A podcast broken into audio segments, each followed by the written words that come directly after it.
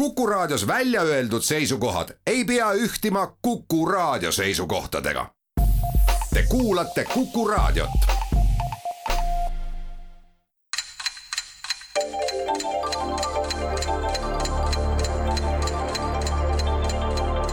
tarkade klubi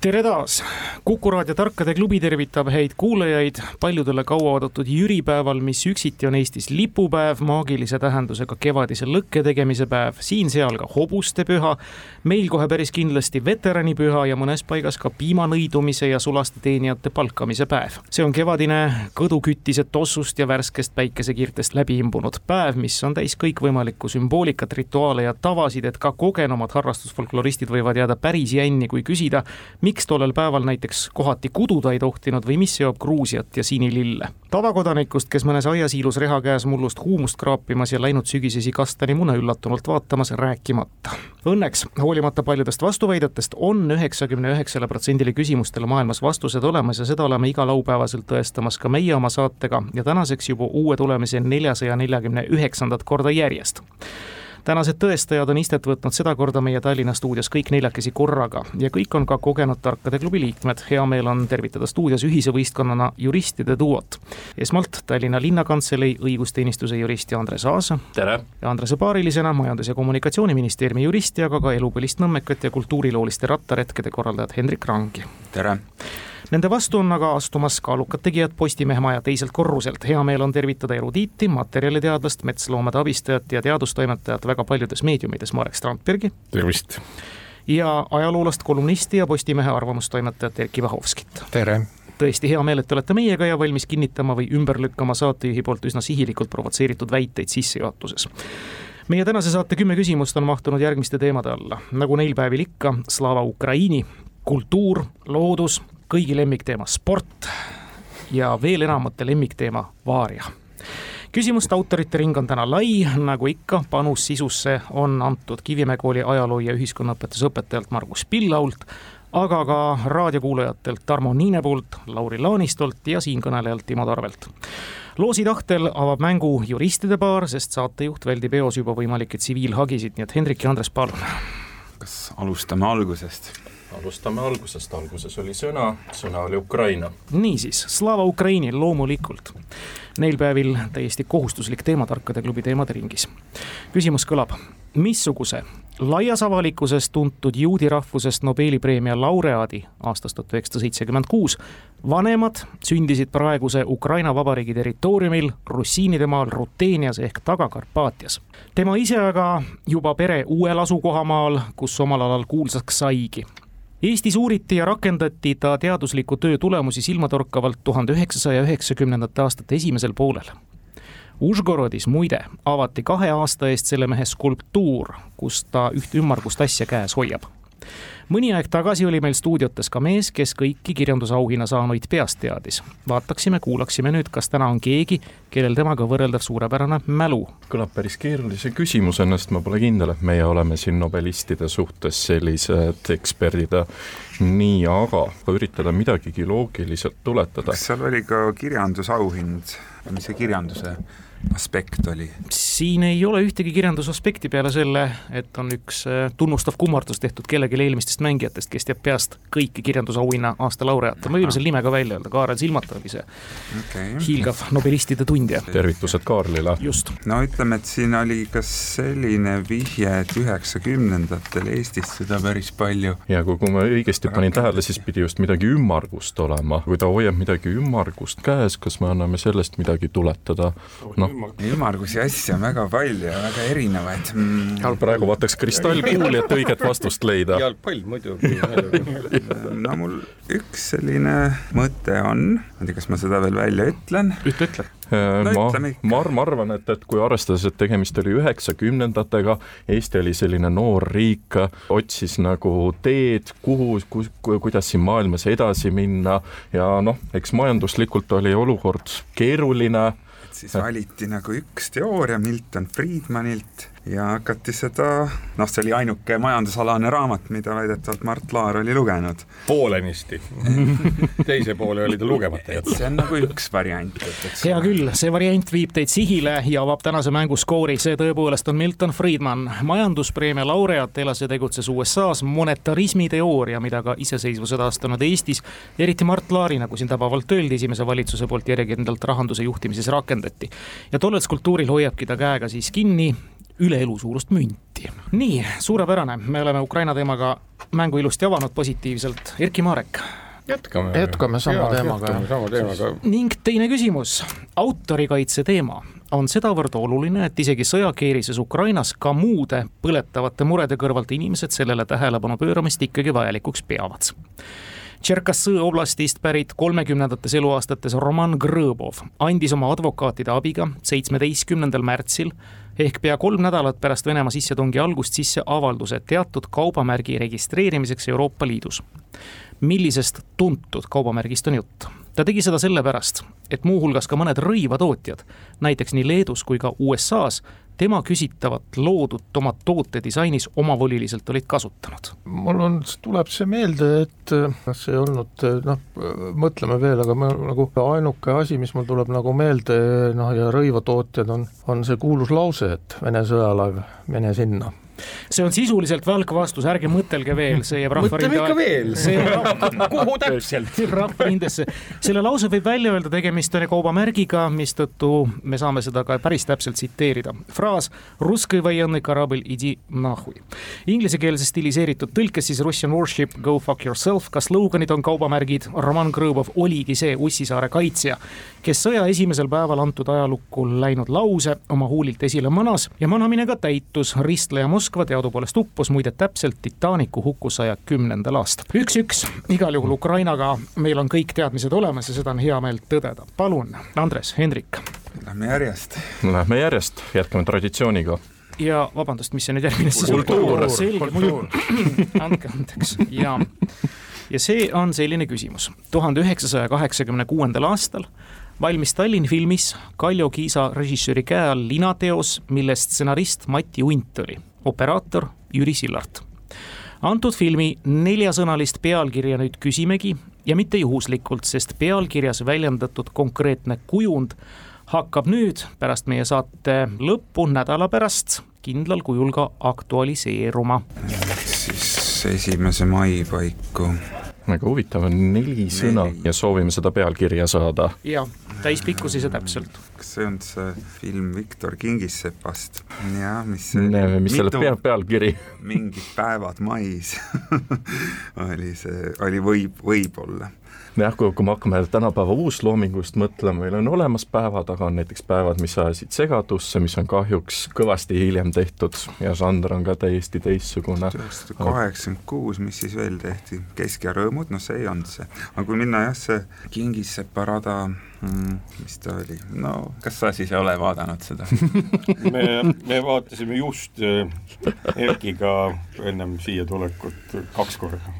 Postimehe kultuuritoimetuses. Postimehe kultuuritoimetuses kaks korda.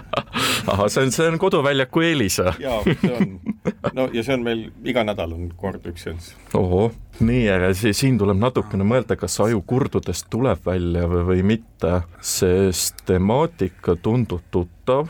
kas ta ei võinud olla mingi, mingi hulk aastaid tagasi mais? No, et kui kas siis, siis on mitu 86. aastat, ma, ma ei mäleta, et oleks olnud viiskümmend aastat tagasi mais, pole jälle loogiline. tagasi mais, see on natuke liiga kauge jälle. aga samas see kõlab palju paremini, eks ole. või äkki see oli hoopis mitte tagasi, vaid kuidas seda formuleerida ja kui alati on, kui ikkagi vastus esitada, siis saab pea sirgeks lükata. ütleme nii, et saja aasta pärast mais. täpne vastus tuli ära nüüd tõesti saja aasta pärast mais, see on siis film Jüri Krjukovi kehastatud Viktor Kingissepa elu viimastest päevadest. sealhulgas samuti siis esimese mai tuhat üheksasada kakskümmend kaks mälestusväärsetest sündmustest. Aga nüüd teie valik. aga lähme siis sama teemaga edasi või, kultuur või? või võtame Vaaria. no võtame Vaaria, noh saab niikuinii jalgpalli, aga on ei ole kindel, aga Ei ole ei kindel. saa välistada. oi, miks küll? esimene lause on selline igal juhul küsimuses. araablased on läbi aegade suured rännumehed olnud. küsimus kõlab, kuidas kõlab araabia keeles sõna teekond? Araabia laenusid rohkelt sisaldava suahiili keele vahendusel on küsitav ühes konkreetses tähenduses kõikjal tuntud. Ja ma tulen teile vastu, see ei ole jalgpall. ja ma oletan jah, selles mõttes, et äh, araabiakeelsed asjad on tavaliselt äh, mingisugused alltüved, alkeemia näiteks aga väga raske on leida sellist. seal on suahiili tüvi, et see ei saa, pruugi olla ka puhtalt see all. ei, seda ei ole, ilmselt ei ole. No näiteks, mis on väga tuntud ja on äh, teekonnana ju mõistetav igas keeles, on turism. turism on jah, mõtlen, et kas sellest, kas see mingist mustkeelest ei tule või? ta on äh, tuur, noh, äh, liikumine, noh, see on läinud jah. nagu, nagu kõikjale, et et tõenäoliselt seesama tüvi võib olla ka ju tõesti kõigis siin ümbruse keeltes. Tour de France eks ole, jaa, aga kust see algtüvi huvitav tuleb siis? no seda see... ju pakutaksegi ja. meile, et kummardame Austraal- või nende pagana araablaste ja suahiilide poole. noh, ega ma ei oska siit vist midagi muud ka pakkuda või? mõtleme veel, mis see võib olla, konkreetses tähenduses. no aga turist ongi konkreetne tähendus ju tegelikult, aga võib-olla see on veel kitsam siis või? tulnud siis ühesõnaga kuskilt sealt Aafrikast ja jõudnud siis Põhja-Aafrikasse ja sealt edasi. Ega ju ei kujuta ette, noh, puudub ettekujutus, kas näiteks äh, Shakespeare'i teostes on kordagi mainitud sõna turism või midagi, tuur, ringkäik, tuurile minema, ma ei tea, millal see tekkis, ega noh, turism kui nähtus on ju ka iseenesest suhteliselt hiline, et kui massid rändama hakkasid, aurulaevad liikusid, rongid, et noh, seda ei olnud kindlasti kaheksateistkümnendal sajandil. siis olid palverändajad ainult jah, et aga see on ka pilgrim, palverändaja, aga pilgrimit ei ole eesti keeles olemas, sellist sõna tegelikult. palverändur. palverändur, aga see, no ma ei tea, ma arvan, et see turism on ikkagi parem, paneme selle turismi. ei ole turism sedakorda esimene vale vastus, mis täna kõlab. oh, seda piinlikku tunnet, mida ei, seda ei maksa üldse tunda. aga Hendrik ja Andres, Hendrik on siis ka erinevate retkete korraldaja, võib-olla on selle sõnaga kokku puutunud? kahjuks mitte, ma ei tea, Andres, kui palju suahiili keelest pärit sõnu sa tead? Äh, vanasti oli tõesti see tore väljend, et sa räägid nagu suahiili keeles, kui millestki ei olnud aru saada. Siis tekib see küsimus, et kas ta saab üldse, üldse, kui me sellele sõnale otsa vaatame, kui väga araabiapäraselt see see võib üldse tunduda, ega siin oponendid rääkisid ilusti, et, et kui all ette panna, tule hakkab igasuguseid toredaid assotsiatsioone tulema, teame ju ühte geograafia all Idrisit, ka Al Jazeera on üks to tore telekanal, aga ei, ei tundu nagu kahjuks õigele teele minevat. et, et, et siin oli tõesti väga ilus arutlus, et vanasti, kuidas üldse ringi liiguti, kuidas, ma ei tea, kõrberahvas võis ringi liikuda, tõesti eeldaks, et, et kuidagi kaamlitega see karavan seal liikus. nojah, meil oli no., eks ole, siin jah, paberi peal ka karavan, aga karavani veel ei pakuks, sest kas see ei tulene mitte hoopis kuskilt türgi keelest ja sealtkaudu, mis seal veel on, okei okay,, Al Jazeera võib vist maha tõmmata, karavani ärme veel maha tõmba. mõtleme, kui me rändamisest räägime ja tänapäeval see pidi olema väga kindlas tähenduses konkreetses, jah. kõik väga konkreetses tähenduses mm. -hmm. huvitav, mis võiks selline veel konkreetsem tähendus olla? muidu ütleks rändamiseks on, on sul ikka, ikka passporti vaja, aga vähemalt meil siin dokumente või muid selliseid toredaid sõna kasutada võiks seda vist mitte ja noh, ütleme missioon ta ka ei ole, et see ilmselt tuleneb kuskilt ladina keele kaudu pigem eeldaks ja. ja ma ei tea, jääme siis, pakume ikkagi karavan või? no tundub vähemalt liikumisega, et äh, võib-olla täiesti häbisse siis ei jää, et, et on teatud kindlamas tähenduses ka. ei, kindlasti ei jää, punkti küll ei saa. Te olite isegi lähemal. see sõna on kõigile tuntud safari Safari, mis kõlab väga suahiili keele moodi. Safari. kui nüüd mõtlema hakata. see on see, vot ega see, mina ei mäletagi, see oli vist neljandas klassis, kui oli suahiili keele kursus, et sealt. ja, ja ei, vähe mäleta jah, jah. nii, aga palun, Hendrik ja Andres. tõmbame tagasi kultuuri juurde no tundus enne ilusti toitvat, et vaatame, mis tuleb. klassikaline Eesti kultuuri küsimus. oponendid kindlasti on ka selle tegevusega igaõhtuselt ennast kurssi viinud, ehk siis lugenud Loomingu raamatukogu alates tema esimesest väljaandest. küsimus kõlabki, kes oli esimene Loomingu raamatukogu sarjas avaldatud Eesti autor? Tema tekst ilmus tuhande üheksasaja viiekümne seitsmendal aastal sarja kolmanda väljaandena ja kandis pealkirja Ühe Norra reisikroonika autor oli selle valmis kirjutanud juba tegelikult aastal tuhat üheksasada kolmkümmend üheksa. Reisikirju avaldas küsitav veelgi, näiteks tuhande üheksasaja kaheksateistkümnendal aastal Teekond Hispaania ja aastatel tuhat üheksasada kakskümmend kaheksa kuni kolmkümmend teekond Põhja-Aafrika. ka novellikogumikud Saatus ja Raskuse vaim on ühed paljudest tema teostest. ärme siis pikalt keeruta, Frieda-Pärt Tuglas. no nii, tundub, et siin hoopis vastased on lugemas Loomingu raamatukogu ja kõiki Tuglase reisikirju teavad peast, no muidugi Hendrik on ka põline nõmmekas ja peaks Tuglast hästi teadma.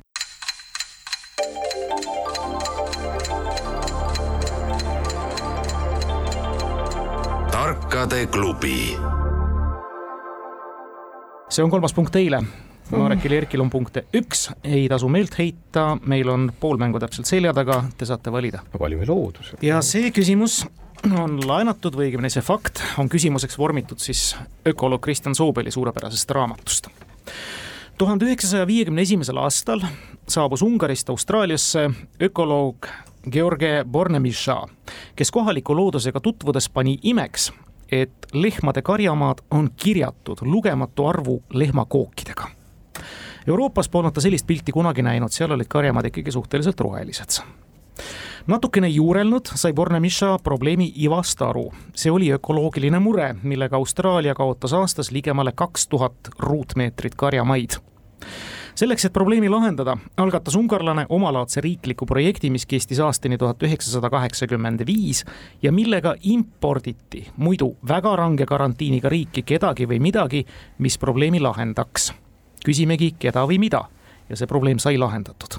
lehmakoogid Austraalia karjamaadel. mingi loom või lind, mis äh, sööb need lehmakoogid ära või likvideerib. see on kärbes loomulikult, kes nagu teeb midagi sinna sisse näiteks paljuneb, aga noh, vaevalt, et ta nüüd kõik selle ära jaksab süüa, kuigi mine tea mis seal veel võib olla? kärbes ei ole vist nagu hea mõte, kärbes vist levitab ka haigusi, ma ei usu, et nad kärbseid oleksid teadlikult toonud. jah, ma ei ole seda Sooveri raamatut selle koha pealt vaat lugenud. ehk et see on iseenesest päris huvitav nii-öelda fakt, et põh-, mis see siis on, kolmkümmend neli aastat on mingisugune tegelane, no lehmad on sinna sisse viidud, veised, eks ole, et mis lehmakoogist meil saab? vist viiakse kuskile väetiseks või? ei no põllu peal ta põhimõtteliselt nii-öelda kattub koorikuga ja seal nagu tegelikult äh, askeldab ikkagi nii-öelda elu, et noh, kes seal ikka on, et noh, tegelikult ongi mingisugused kärbsed või põrnikad või keski nii-öelda seda utiliseerib seal, et ega noh, nii-öelda küsimus ongi selles, et kui lehmakooki on palju, siis peab olema mingi elukas, kes selle ära järab ja noh, tavaliselt on need ikkagi mingisugused äh, komposteerivad tegelased, vihmaussid, mingid lülijalgsed, noh, kärbes nende hulgas aga see vastus on nagu niivõrd konkreetne, et ma ei, noh, nuputame veel. kärbes ikkagi nagu noh, teadmata loodusest palju. Neid on ikka igal pool, et ta on ikkagi pool, nagu no, selles mõttes. peab nagu sisse tooma üldse. ei, ei, seda ilmselt ei ole vaja, küll aga nii-öelda, kui me räägime lülijalgseist või ussidest, siis neid peaks küll sisse tooma no see, see on midagi, mis nagu ka ei rikkunud siis ilmselt seda Austraalia looduslikku tasakaalu, noh, ma mõtlen siin, et see ei saanud olla midagi noh, väga ekstraordinaarselt või noh, sest muidu oleks nagu olnud ja, see häda mu-, mujal ju. just, et noh, ta peab olema siis ikkagi niisugune nii-öelda lühikese elutsükliga elukas, et kui toitu ei ole, siis teda ka ei ole. no umbes nii jah, aga no, ega... ma jätan selle vastamise sulle et.... ma, ma olen väga no, sita sitikas. paneme siin punkti, Erki annab selle vastuse ära, tubli looduseteadlasena, ehk siis sõnnikumardikas on selle. sõnnikumardikas tegelikult tema nimi, ega muud polnudki, Aafrika sõnnikumardikat täpsustame. Euroopas, Euroopas ka ei ole seda ju. no rahu, Euroopas toimetasid lehmakookide kallal siis Euroopas kasvanud sõnnikumardikad, kes selle väga ruttu väetiseks moondasid, teevad seda siiamaani. Aga Austraaliaga oli see lugu, et sealgi olid sõnnikumardikad, aga nemad olid evolutsioneerunud kängurude ja vombatitega, kelle väljaheited on muide kõvad ja mahlaka pehme lehmakoogi eesmärgiga ei oska Austraalia sõnnikumardikat toime tulla. õpetatud mardikas Euroopas. õpetatud mardikas ja siis otsiti pikalt ja leiti kõige sobivamad just nimelt Aafrika tegijad, kes siis tulid ja lõid Austraalias korra majja ja maa sai taas roheliseks. kui me oleks öelnud õige lülijalgne, mis me oleks saanud, pool punkti ma oleks andnud ikkagi vist täispunkti, sest Jaa, õigel no, teel. sinnani me jõudsime et.... aga palun, Hendrik ja Andres, kolm-kaks eduseisust. võtame siis looduselt mis loodusel anda on. Ikka inimene võtab viimast. Tarmo Niinepuu küsib, ilmselt on maailma kõige kiirem putukas tiigriputukas, tiger beetle. ta kasutab oma kiirust nii naiste kui ka saagi püüdmiseks. kuid sellel kiirusel on üks väga suur puudus mis on see puudus, mida evolutsioon ei ole suutnud muuta? see putukas peab vahepeal seisma jääma, et selle probleemiga tegeleda. meie, inimesed ei suuda seda ette kujutada ja isegi meie robotid on disainitud selle veaga. Curiosityl on näiteks neli andurit selleks puhuks tiigerputukal on abiks lisaks peatumisele ka üks mehaaniline lahendus, mis selle vastu aitab, kui on vaja. aga mis on siis see viga ja mis probleeme see kiirus tiigerputukale põhjustab mm,? väga huvitav, sest kui inimesel ei oleks seda viga, siis ma mäletan, et noore poisina oli selline tore fakt ühes äh, teadusraamatus, et miks inimkond on üldse saavutanud sellise edu, et äh, püsisoojasena ta suudab väga hästi enda kuidas ma ütlen siis, soojust reguleerida, et ta ei kuumeneks üle, et see pidi olema just inimese puhul selline evolutsiooniline eelis, et nagu ikka, saakloom jookseb ees ja lõpuks lihtsalt jookseme järgi, kuni väsita ära. kujutage muidugi ette, et kindlasti selline selline kiiresti liikumine peab seal mingit soojust tekitama. tiigerputukat püütaksegi niimoodi, entomoloog jookseb nii kaua, kuni tiigerputukas kuumaks läheb ja see liikus hästi. aga kui ta üle kuumeneb, siis ei ole ka temast kasu jälle. kuum tiiger et, et ühesõnaga, et äh, kuna ta keha kuumeneb üle, et sellepärast ta peab seisma jääma, et see võiks olla üks võiks olla liiga, liiga fataalne, et see võiks võib-olla üks variant näiteks siin olla. et, et noh, siin küsimuses ju oli, et ta jookseb nii naiste kui saagi järele, aga ometi ta peab seisma jääma ja huvitav, kas naised ja saak ei jäägi seisma vahepeal? Ja samas Curiosityl, mis andurid need võivad olla, ka võib-olla soojus miks just Curiosityl peavad sellised andurid olema? nojah, kosmoses on raske ette, ette kujutada muidugi jälle teistpidi ülesoojenemist, aga kes teab, teistpidi jälle päike on otse päikse kiirguse käes, ka on täiesti võimalik, peab vaatama, et vahepeal on vaja kate ette panna, muidu tuleb seda päiksekiirgust jälle liiga palju. jah, ei täitsa võimalik, ma ei tea, kas siis pakume seda, mis meil kirja sai? no pakume ära, ei oska hetkel midagi paremat loogikat leiutada. ülekuumenemine Üle. Kuumenemine. see on hea pakkumine, ei ole kahjuks õige vastus. ai ei, ma mõtlesin, et vastatakse ära, me siin ei. oleme oma sitasitikast nii vaimustunud Pahovski entomoloogilised teadmised, aga minu, mind see Curiosity andurid mind pani mõtlema võib-olla või viis mõttele, et äkki kiirus on nii suur, et ta ei orienteeru enam, et ta nagu peab seisma jääma, et nagu aru saada, kus ta on, ühesõnaga, et võtta nagu see suund, see on nagu see asi, et Curiosity kaotab... peab ju ka nagu noh, suunataju, eks ole. tal peab olema, noh, ta peab eriti aeglaselt liikuma, et nagu suunda tajuda, et lihtsalt jookseb nii kiiresti, et äh, seal on öeldud, et inimesed seda ei taju, no võib-olla siis ei tajugi, et see kiirus on noh, kui meie jookseme, eks ole, et me saame üldiselt aru, kuhu me liigume, on ju, aga kui see on mingi super-hüperkiirus, siis noh. püüame kehastuda putukaks, kes jookseb väga kiiresti. noh, kuumenemine, ega vot ega kõigusoojaste loomade puhul nagu see ongi, et noh, see kuumenemine peab olema siis ikka niimoodi, et noh, täiesti küpseb no Curiosity ei kuumene, noh see Marss on ju päikesest nii kaugel. no ega päike paistab peale, see läheb soojaks, aga no, need ei ole need andurid, neli andurit neli ilmakaart, noh, nii-öelda suuna. et, et noh. või, või tasakaal või? ma just mõtlen, et nagu noh, kui inimene jookseb väga kiiresti, mis temaga juhtub, et jookseb näiteks mäest alla no., no siis nagu kiirus kasvab, eks ole. siis põhimõtteliselt sa võid hakata nagu vahepeal kukkuma, et sa ei suuda ennast nagu püsti hoida ega midagi. no jaa, või sa, kui sa jooksed kurvis, eks ole. Et muidu sa paned nii-öelda külje maha ju. no ütleme, noh, ega me ei kujuta ette, ma ei, vot see on nii ammu õpitud, see tiigerputukas. ei tegelenud selle analüüsiga. ei tegelenud sellega pidevalt.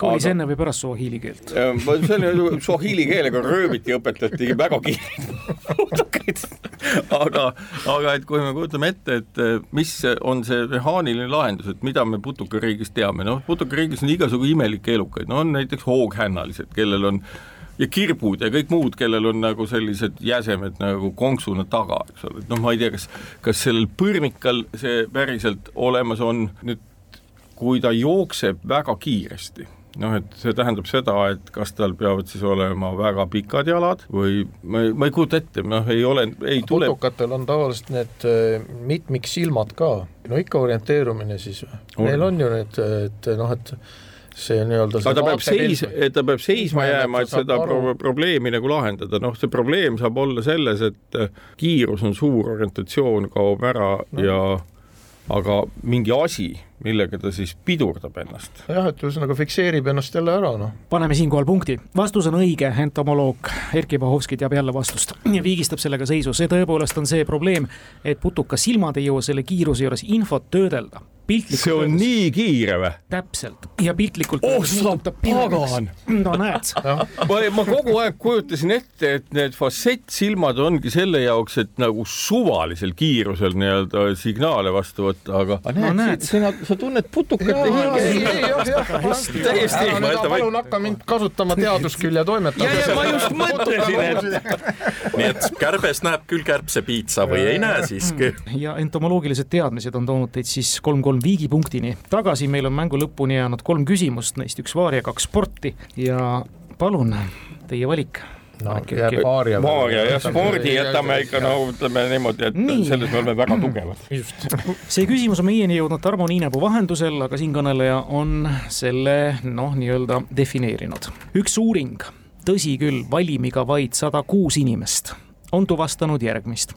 nelikümmend neli protsenti inimestest teevad seda ülevalt alla viiskümmend protsenti inimestest on kasutanud selleks looduslikke abivahendeid, kaheksa protsenti paljaid käsi, kaks protsenti paberrahatähti. Millisest tegevusest käib jutt, kui selle keskmes on juba tuhande kaheksasaja viiekümne seitsmendal aastal leiutatud, aga alles läinud sajandi kolmekümnendatel aastatel populaarsust võitnud ese. Oh,? see on täitesulev ju, aga mis seal siis on, nelikümmend neli protsenti teeb ülevalt alla, viiskümmend protsenti kasutab looduslikke vahendeid, kaheksateist protsenti käsi. kaheksa. kaheksa ja kaks protsenti oli ka midagi või? paberrahatähti. ei, see ei ole. see ei saa olla. see ei ole, seal täitesule peal ei ole midagi sellist. tuhat kaheksasada viiskümmend seitse. jah tuhat kaheksasada viiskümmend seitse asutati Postimees. tõsi jaa, see on ka õige muidugi, aga see ei ole õige vastus, isegi pidades Kukut väga lojaalseks Postimehele, ei ole see see, vot et tuhat kaheksasada viiskümmend seitse, mis siis leiutised veel olla võivad? täitesuleb ja kolmekümnendatel aastatel võeti alles kasutusele. no võitis populaarsust. võitis populaarsust, sadat kuute inimest on no see on küll naljakas. see on jah, see ei saa olla muidugi väga adekvaatne uuring, et sada kuus inimest, ma ei teagi, kas see mingi sotsioloogilise teaduse ei, mõttes mingi, läheb nagu kirja? ei, see ei lähe kuhugi kirja, see on mingisugune tavaline naljauuring, keegi on teinud mingisuguse küsitluse, mis asi on kolmekümnendatest ülevalt alla looduslikke vahendeid, käsi ja paberraha filmidest meenub see, kuidas äh, ninna ravimeid imetakse paberrahaga. no sa mõtled, et on nagu aga noh, seda jah, ülevalt alla, looduslik vahend viiskümmend protsenti, pooled kasutavad looduslikku viiskümmend seitse leiutatud, see võib ikka mingi tänapäeva asi olema, noh, huvitav, mis see siis võiks olla, et WC, aga paberraha sa WC-s ikka väga ei kasuta münti veel, et nagu tasuline kemmerg või midagi muud, aga no mi, mi, mis me veel kujutame ette? kirjutusmasin. jah, kirjutusmasin ülevalt alla, aga mis on lood-. looduslikke vahendeid ei saa. looduslik vahend puuoksakestega ja noh, ülevalt alla ja käsi, et noh, käed ja ülevalt alla on. jaa, siin jääb küll mõte kinni. ei, me, me, me, me mõtleme selle välja, ole mõtet. kolmekümnendatel muutusid populaarseks mis asjad? Tirisaablid. autod autod, aga paberraha sõidab autoga või takso või? ei, ülevalt ei saa see ei ole loogiline üldse noh. ja noh, viiskümmend seitse. mõtleme nagu seda, et inimesed teevad midagi ülevalt alla kasutamata käsi, mida sa saad teha ülevalt alla kasutamata käsi? jalgpall mängib peaga kaheksateist protsenti kasutab käsi, saab kogu aeg nii-öelda punaseid kaarte. Need on väravaid. Need on väravaid kuskil pole öeldud, et kasutamata käsi selles küsimuses. aa, teeb, ei, on öeldud ülevalt alla. viiskümmend protsenti on kasutanud selleks looduslikke abivahendeid, kaheksa protsenti on kasutanud selleks paljaid käsi ja kaks protsenti paberrahatähti ja nelikümmend neli protsenti teeb seda ülevalt alla. just. ei, see on keeruline jah. see on keeruline, aga no püüame ette kujutada, ei saa nüüd ka noh, ütleme nii magusat küsimust, kus nagu vastus nagu on ju kohe teada, ei saa ju vastata. me räägime siin juba vist kümnendat minutit. ei, me seda. räägimegi, aga nagu lõpuks tuleb mingi nõks ja siis nagu tekib ettekujutus, minule tundub küll, tuhat kaheksasada viiskümmend seitse, mõtleme, mis ajast, rongid olid olemas, rongid olid olemas, asju leiutati. auto leiutati hiljem telegraaf oli olemas. Telefon leiutati hiljem. morsekood oli olemas, telefon leiutati veidi hiljem, sõnumeid vahetati, mis asjad veel olid olemas, aga paberraha see ilmselt siis ei ole selles raha tähenduses, vaid mingis muus tähenduses. noh, ta on pabertükk, ta saab ja, nagu, mis asjad siis leiutati, mingisugune ports relvi, kodusõja, Ameerika kodusõja. kuulipilduja. Kuulipilduja tõenäoliselt kolmekümnendatel aastatel muutus populaarseks, ei muutus juba esimese maailmasõja ajal populaarseks. kiivrid, turvised, kui sõja peale mõelda, need olid olemas kindlasti ei, need olid olemas, jah. püksid, saapad, need on kõik ammu juba olemas kolmekümnendatel aastatel, mis seal ikka populaarseks sai muutuda hmm isegi ei oska nagu aimata, et tuhat kaheksasada viiskümmend seitse. see, see on leiutis või see, mhm. see on selle keskmes, selle tegevuse keskmes on leiutis. selle tegevuse keskmes on leiutis, selle tegevuse keskmes on leiutis ja seda leiutist kasutatakse. kus kohas kasutatakse paberraha, eks ole, et noh, ma ei tea, kasiinos, pokkerimängus, rulett no aga ülevalt alla, ülevalt alla looduslikke vahendeid. ei, ei, ma, ma ei tea. ei, ei mõtted on täitsa nagu sobilikud, lõpuks me oleme kogu maailma asjade spektri läbi. ma ei tea, anname teistele ka võimaluse, me ei mõtle seda välja või? vastupidi, me mõtleme selle välja hetkega, kui meil on see hetk, aga see hetk ei ole õige. kui vana tennis on? vanem, eks ole, oluliselt vanem. aga miks paberraha peaks tennises kasutama, mida saab paberrahaga teha? käemaks altkäemaks jah, et äh, ülatkäemaks ja altkäemaks. paljaste kätega altkäemaks see on mittevastatav küsimus meie jaoks, tunnistame. no tunnistame üles, jah. nii, aga siis vastased. no me mõtlesime ka, tegelikult siin vastasvõistkonna suust kõlas ka sinnapoole vahepeal see jutt, mille peale meie juba alguses mõtlesime oma, lähtuvalt oma madalatest motiividest. aga arvestades, et see uuring oli väga ebausaldusväärne, kõigest saja kuue inimesega ja kaks protsenti kasutas paberraha millegi aseainena, et kas see ei võinud olla WC-paber. just, just nii, jutt käib tagumiku pühkimisest. WC-paber. pakkusime WC-d ju jah, aga noh, mitte paberit. aga mitte paberit, kõik, kõik. leiutisena, et, et miks ta siis populaarseks. see on populaarseks muutus ta muide seetõttu, et kolmekümnendate keskpaigas hakati tegema ajalehti juba sellisest materjalist, millega enam tagumikku ei saanud hästi jaa aga tõepoolest, nelikümmend neli protsenti kõlab loogiliselt, teevad seda ülevalt alla, viiskümmend protsenti on kasutanud loosulikke abivahendeid, peaasjalikult suuri puulehti, kaheksa protsenti olude sunnil paljaid käsi ja kaks protsenti veel kitsamate olude sunnil paberraha. kõlab loogiliselt. see kõlab. aga vahepeal oligi tualettpaber oli selline defitsiitne kraam, nii et võib-olla raha on odavam ta on aeg-ajalt siiani, kui vaadata, mis toimub poodides igasuguste pandeemia uudiste eel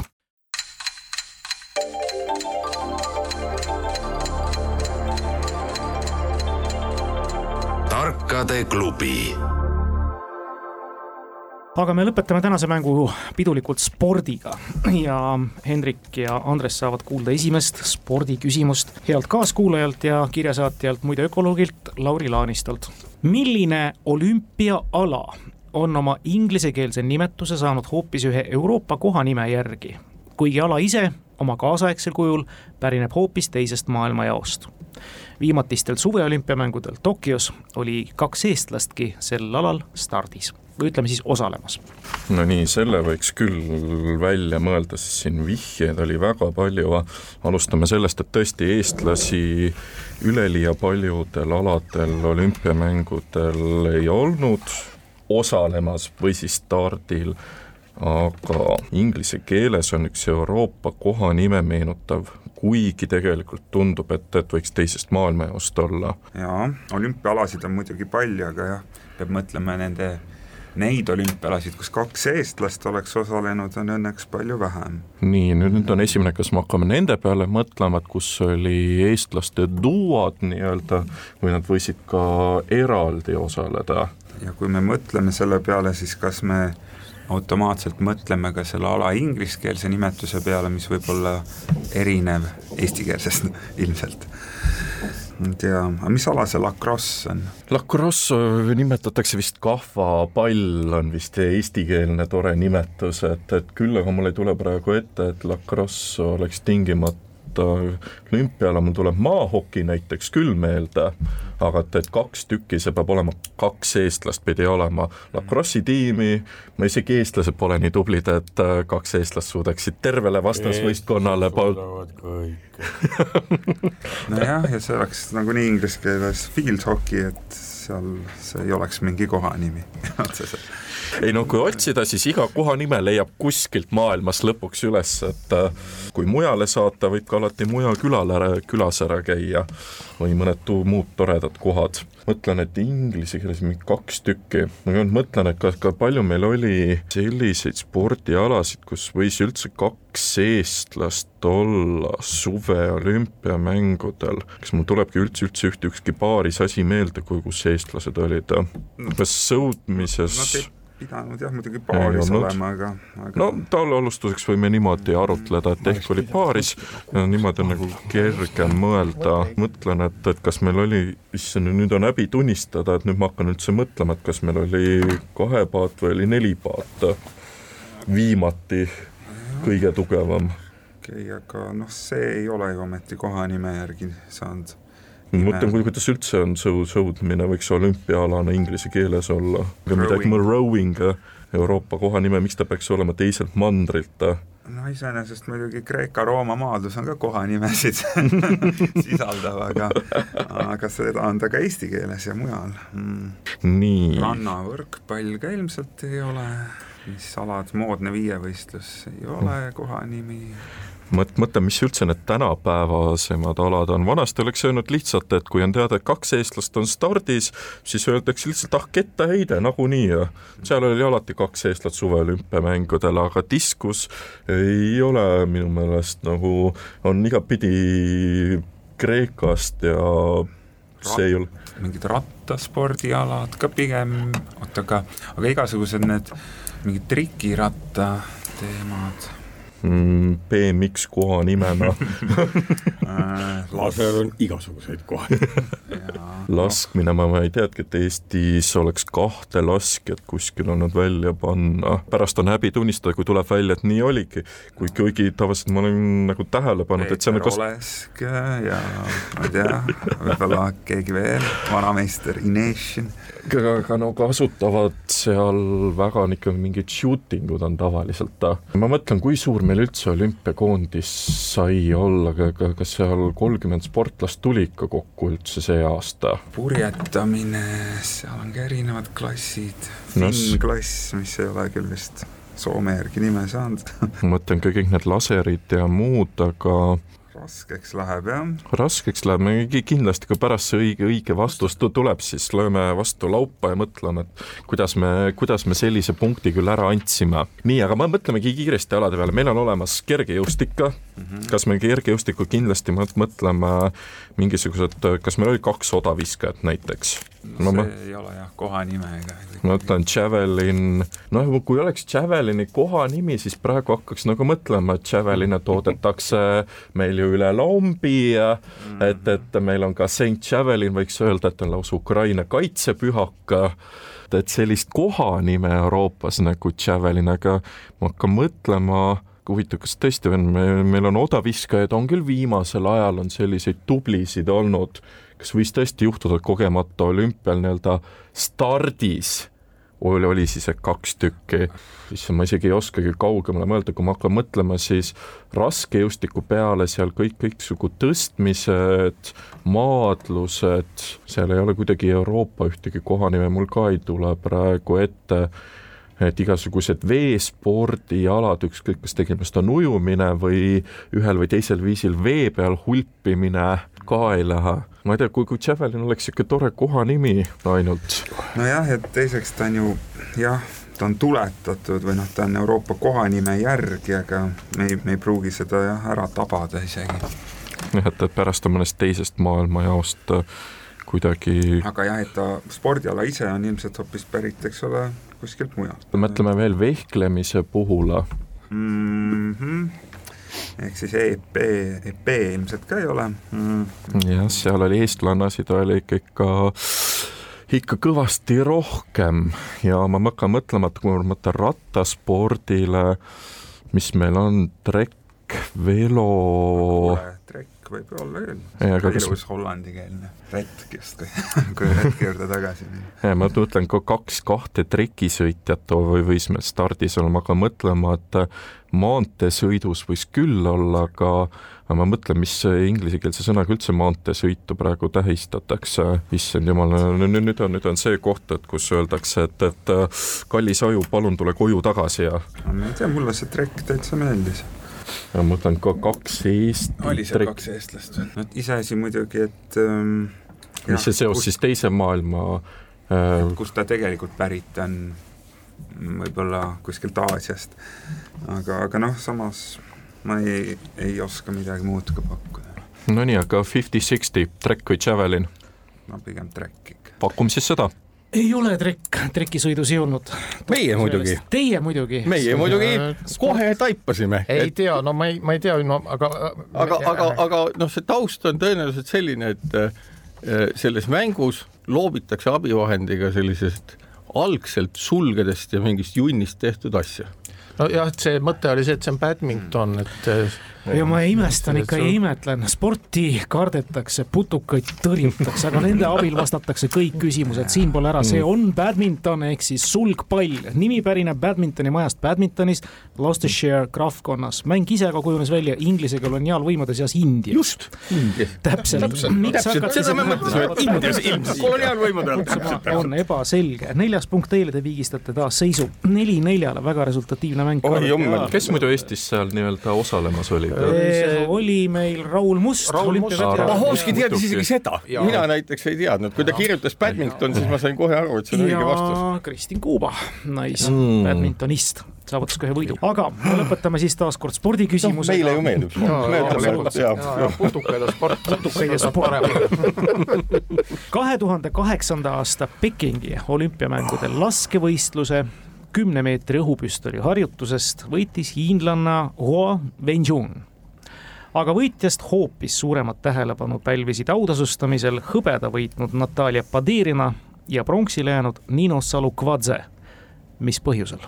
No see oli Vene-Gruusia sõda, üks oli Gruusiast, teine oli Venemaalt. no hiilgav, sport läheb täisrahtadele taas kord ja see on viies punkt teile. edaspidigi spordiküsimus. mänguvõit tuleb selles väga resultatiivses lahedas mängus, mis lõpeb siis Mareki ja Erki Napi viis-neli võiduga, nii et ainsana jäigi meil peldiku paberiga läksime alt. ei, me ei suutnud mõte täitsa kinni, noh. ma, ma, ma, ma, ma jäin kuidagi pidama, et ma ei võtnud seda paberit ja ei kujutanud ette, mida sellega veel teha. ülevalt alla. ma mõtlesin hirmuga, no sinna see punkt läheb, aga no. ei näinud. Aga sõbrad, Safari küsimus jäi ainsana vastuseta, aga mis teie meelest oli siis täna parim kõlanud küsimus? noh, see Safari oli ka hea küsimus tegelikult, aga oli... muidugi see, mida me siin mõtlesime ja audusime, see WC paberi küsimus oli ka hea tegelikult muidugi selle, selle, selle teaduslikkus sada kuus küsitletud üle maailma see on omaette saavutus. mida ütlevad juristid? ma arvan, et sada kuus inimest on esinduslik valima. Ja juristidega ei tasu siinkohal vaielda, nii et võtame siis nii Safari kui ka Tarmo Niinepoobiga meieni jõudnud küsimuse teaduslikust uuringust, kuidas pühitakse WC-st tagumikku. aitäh, Marek, aitäh, Erki, tänasel jüripäeval, aitäh, Andres, aitäh, Hendrik, uute kohtumisteni